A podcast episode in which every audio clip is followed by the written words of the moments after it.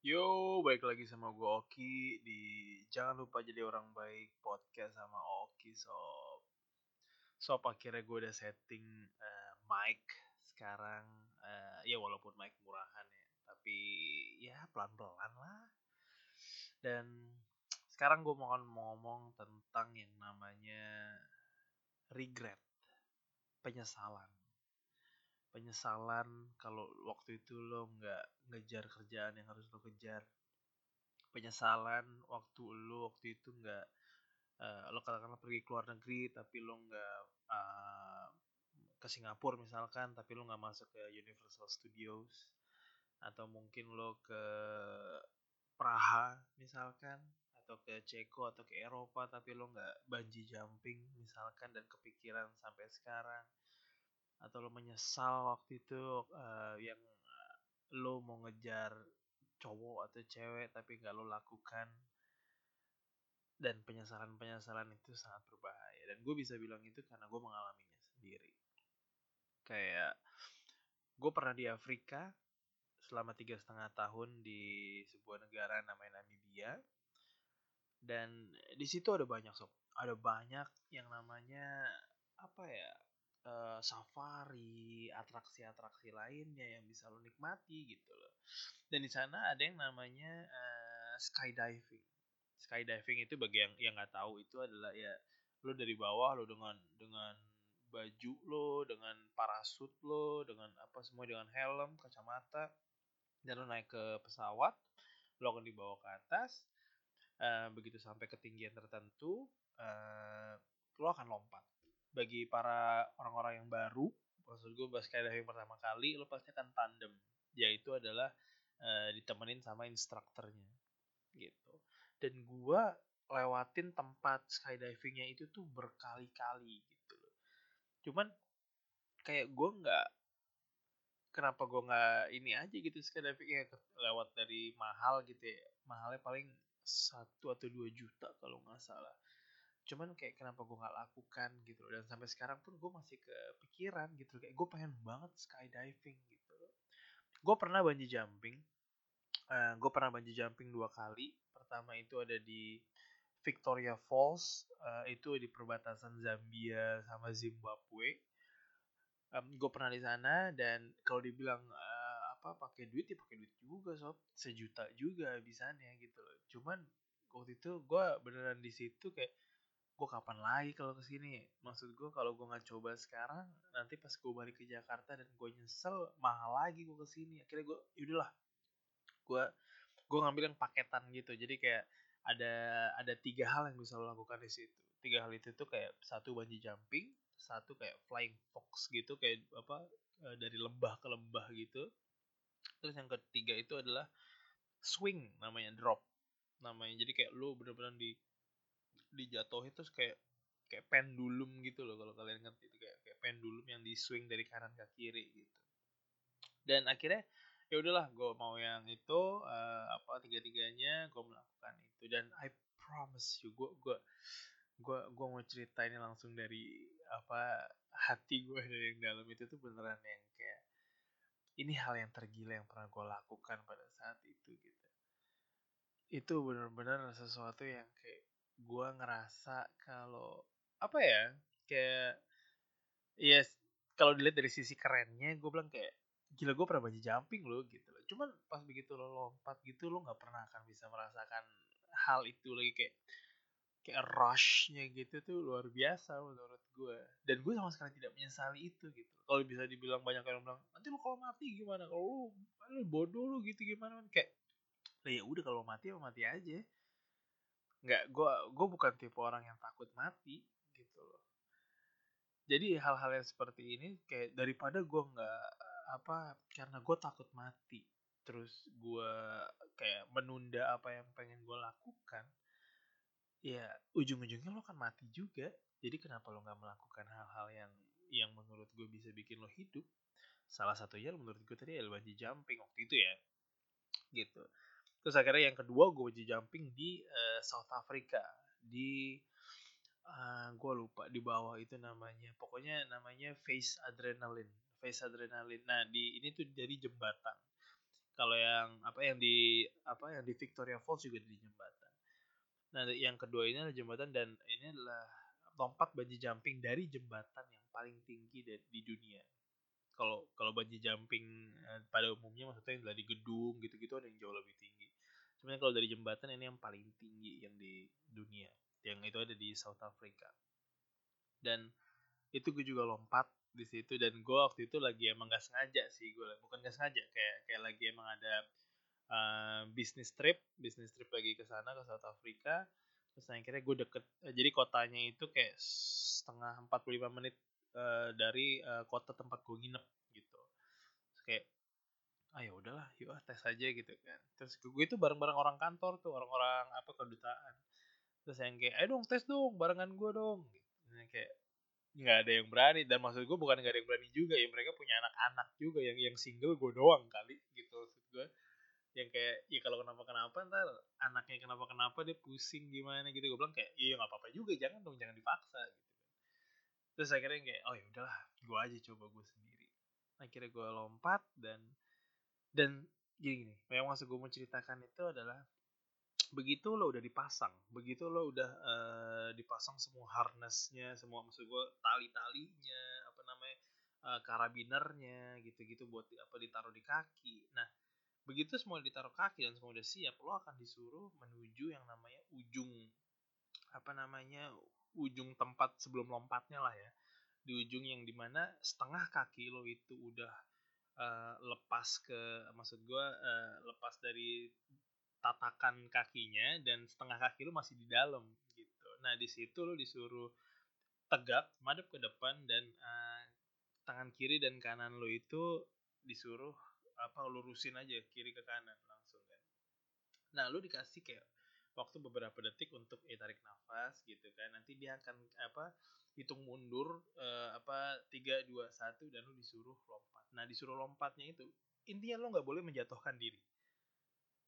Lo nggak boleh menjatuhkan diri dan lo harus lompat kayak kayak apa ya kayak harus lo kayak ya lompat kalau lo mau ke apa kayak kayak apa ke renang gitu ya. Kalau lo lompat langsung dari atas tuh yang yang langsung ke yang kepala duluan dan tangan duluan gitu. Nah itu kurang lebih seperti itu dan lo harus melakukan itu kalau enggak bisa bisa cedera gitu. Dan gue beneran deh itu rasanya untuk lu ada di ujung itu kaki lu tuh lemes banget sops itu kaki lu lemesnya luar biasa. Cuman kayak gue selalu bilang sama diri gue sendiri kayak hidup lo cuma sekali.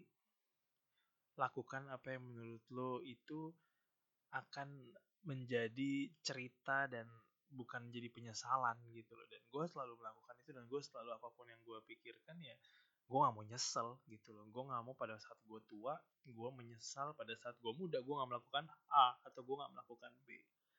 Jadi gue lompat. Dan begitu gue lompat apa ya kayak sebenarnya uh, jatohnya itu kayak cuma 4-5 detik kali ya. 5 ya 5 detik 6 detik lah. Cuman itu rasanya kayak forever bro. Itu jatohnya kayak wah gila. Itu sih gue gue masih bisa ngerasain itu dan dan apa ya kayak semua yang yang gue rasakan di situ tuh bener-bener bener-bener itu kesenangan gue tapi.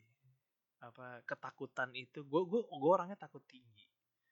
Gue orangnya takut tinggi. Kalau gue kalau gue berada di lantai 9, 10, 11 dan ngeliat ke bawah kaki gue itu bergetar kaki gue tuh lemes gitu loh. Cuman kayak masa lu gara-gara takut tinggi lu nggak berani sih? Gitu loh maksud gue melakukan hal seperti ini yang kayak apa ya maksudnya gitu. Kayak penyesalan gue itu jauh lebih besar daripada ketakutan gue jadi dengan dengan dengan rule itu dengan peraturan itu gue akan melakukan aja gitu loh. Kalau menurut gue ini pantas untuk gue lakukan. Ya akhirnya gue lompat dan itulah yang maksud gue itu salah satu contoh yang gue bilang kayak akan banyak orang yang bilang kalau penyesalan itu akan datang uh, belakangan. Betul, penyesalan itu akan datang belakangan. Cuman lu bisa ngelihat kalau penyesalan itu tuh akan ada apa enggak. Lu bisa ngeliat dari awal. Kalau hal yang paling mudah deh, hal yang paling mudah kayak misalkan um, lu mau naik kereta nih. Lu mau naik kereta dan sebelum kereta datang lu ngeliat kayak ada uh, darlung, dadar gulung misalkan ya. Terus lu nggak beli. kayak aduh beli nggak ya beli nggak ya beli nggak. akhirnya kereta datang dan lo naik begitu kereta lo udah naik kayak lima menit kemudian kayak aduh enak kali ya kalau makan darlung cuman lo kayak nggak bisa dimakan di KRL juga sih maksud gue maksud gue di di komuter lainnya juga lo nggak bisa cuman lebih ke arah yang kayak kalau lo naik kereta terus kayak lo di Indomaret nggak beli ciki gitu misalkan lo ke Jakarta Bandung terus begitu di kereta aduh gue nggak beli lagi tadi kagak ada lagi gitu atau aqua walaupun di gerbong ada gitu misalkan kayak kayak lo ada penyesalan dan itu penyesalan penyesalan yang kecil maksud gue dan yang nggak begitu berpengaruh dalam hidup lo dan misalkan ya misalkan kayak lo lagi main dan lo lagi ngobrol lo lagi nongkrong deh sama teman-teman lo lagi nongkrong sama teman-teman lo dan apa namanya apa eh, di depan lo ada seorang cewek misalkan. Seorang cewek yang lo tahu kalau itu adalah yang tipe lo deh katakanlah. Tipe lo katakanlah terus kayak lo mau kenalan takut kenalan takut kenalan takut. Dan akhirnya semua lo pulang dan lo nggak jadi kenalan dan lewat aja. Terus akhirnya lo ke, ke, ke apa kepikiran ke sana kemari dan akhirnya uh, lo tahu dapat kabar ternyata dia baru pacaran. Setelah satu dua bulan lo ketemu. Coba lo bayangkan kalau lo say hi pada saat itu. Coba bayangkan kalau lo ngobrol. Coba bayangkan kalau lo minta nomornya. Dan lo ngobrol. Dan lo pergi. Dan lo main time zone bareng. Atau Amazon sekarang. Ya kan? Dan itu lo nggak pernah tahu kalau lo nggak coba mungkin akan gagal? Iya. Cuman penyesalan penyesalan itu datangnya belakangan dan again rule rule gue tadi kalau bisa kalian dengarkan itu adalah um, ketak apa penyesalan gue itu jauh lebih besar daripada ketakutan gue jadi gue daripada nyesel mendingan gue lakukan aja jadi bodoh amat gitu kan. Mau dia bilang aduh sorry gue nggak bisa. Ya udah itu urusan belakangan tapi gue udah coba gitu loh. Gue nggak gue jadi nggak mengawang-awang lagi kalau andaikan dia ternyata adalah apa nanti jadi pacar gue atau jadi jodoh gue gitu loh. Gue nggak percaya gue gue gue langsung lakukan aja. Layaknya yang gue lakukan ke istri gue sekarang waktu itu. Ya gue sikat aja langsung padahal dia baru putus dua hari daripada gue menyesal nantinya. Karena gue tahu kayak gue bisa melihat apa ya masa depan lah di di perempuan ini gitu loh. Gue bisa melihat kalau ini kayaknya yang cocok buat gue gitu loh. Apakah itu pasti akan berhasil? Enggak juga gitu loh. Cuman gue melakukan sesuatu yang uh, bikin uh, chance-nya itu jadi lebih besar buat gue menemukan jodoh gue gitu ya akhirnya gue bilang aja. Gue bilang aja langsung yang gue mau lo sekarang. Gue nggak mau gue nunggu nanti gue pulang dari Bali setelah dua tiga empat lima bulan. Terus kita lihat deh kita kita sampai mana kita ngobrol sampai mana. No gue bilang gue nggak mau. Gue nggak mau ngambil uh, kesempatan eh, sorry gue nggak mau ngambil chance yang yang 50-50 gitu ya dan gue nggak bisa mendapatkan lo gitu. Gue mau lu sekarang. Ada kemungkinan dia akan nolak bahkan baru putus dua hari ya kan? Belum sempat waktu untuk bersedih apa bersenandung ria gitu ya. Cuman tapi dia ya ya, ya dia bilang iya juga gitu loh. Dan dia juga ngambil resiko itu ke gue gue ngambil resiko ke dia dia ngambil resiko ke gue dengan dengan catatan yang kayak kalau memang gak berhasil ya udahlah ya orang baru juga dua hari gitu kan. Ya udah dan akhirnya kita apa kita lakukan kita kita berjuang bareng-bareng dan sekarang gue udah nikah. Gitu loh. Lu nggak pernah tahu jodoh lo di mana. Karena ini gue ngomongin jodoh karena ini banyak banget ternyata yang masih takut di luar sana ngomong sama um, calon pacarnya gitu ya. Baru gue nggak tahu baru kalian kenal gitu ya. But then again please apa pun yang kalian lakukan uh, hidup dengan rule itu. Buat penyesalan lo itu jauh lebih besar daripada ketakutan lo. Dalam artian daripada gue nyesel mendingan gue lakukan. Daripada gue nyesel mendingan gue lakukan. Gitu. Gimana sih caranya ngelihat penyesalan gitu? Lo bisa belajar dari mana sih ngeliat penyesalan? Lo pergi coba ke panti jompo. Lo coba pergi ke uh, apa namanya tempat gue gak tau deh kalau bang di rumah sakit itu kayak ada bangsal untuk uh, tempat orang tua orang tua gitu yang dikumpulin. Kayak panti jompo lah katakanlah. Dan lo ke sana dan lo tanyakan lo lihat kayak lo tanya deh kayak apa apa yang harusnya uh, eyang lakukan om atau tante lakukan waktu masih muda. Dan lo akan ngelihat di situ dalam dalam titik yang sangat pure penyesalan atas semua yang dia nggak pernah lakukan waktu muda. Dan sekarang mereka udah 80 90 dan mereka hanya bisa apa kalau penyesalan gede hanya bisa menangis.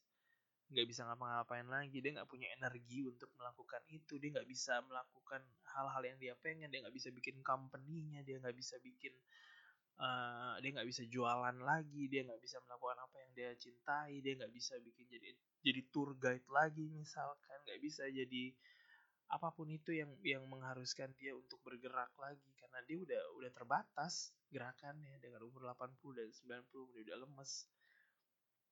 Gitu. Coba kalian ke panti jompo dan tanya dan ngobrol deh sama mereka gitu loh kalian nggak perlu rame-rame saat sendiri berdua bertiga datang aja dan join ke mereka pada saat mereka makan siang dan ngobrol-ngobrol aja and and you will know what regret is lo akan sadar betapa gilanya yang namanya penyesalan betapa kacaunya yang namanya penyesalan dan betapa menghancurkannya yang namanya penyesalan. Dan itu mudah. Dan lu bisa belajar dari situ. Ya kan? Kali kita itu punya hidup satu kali. Satu kali, geng. Satu kali gue lagi. Kalau lu nggak melakukan apa sesuatu yang bikin lo hidup kayak lu mendingan mati aja sih jujur maksud gue lebih ke arah ada banyak orang di luar sana yang yang menyia-nyiakan berkatnya gitu loh yang menyia-nyiakan kesempatan hidupnya ini. Orang-orang tipe-tipe orang yang marah di uh, Burger King pada yang dia dia mesen apa mesen satu paket yang harusnya ada kentang tapi nggak ada kentang terus dia marah-marah karena kentangnya nggak ada. Itu tipe tipe orang yang kacau tuh. Tipe-tipe orang yang yang kalau di KFC tapi habis makan gak diberesin ada tiba-tiba orang kacau tuh kayak gitu tuh. Yang apa banyak lah hal-hal orang-orang yang ke, marah dengan hal-hal yang sangat kecil dan simple. Itu orang-orang yang yang penuh penyesalan menurut gue yang gak bisa melakukan. Kalau lo di kantor dan ada orang yang sirik sama lo karena lo jauh lebih hebat daripada dia karena lo mendapatkan hal yang harusnya dia dapatkan kita adalah tipe-tipe orang yang menyesal dan nggak bisa nggak tahu harus ngapain jadi dia akan menyalahkan orang lain. Dan itu adalah human nature.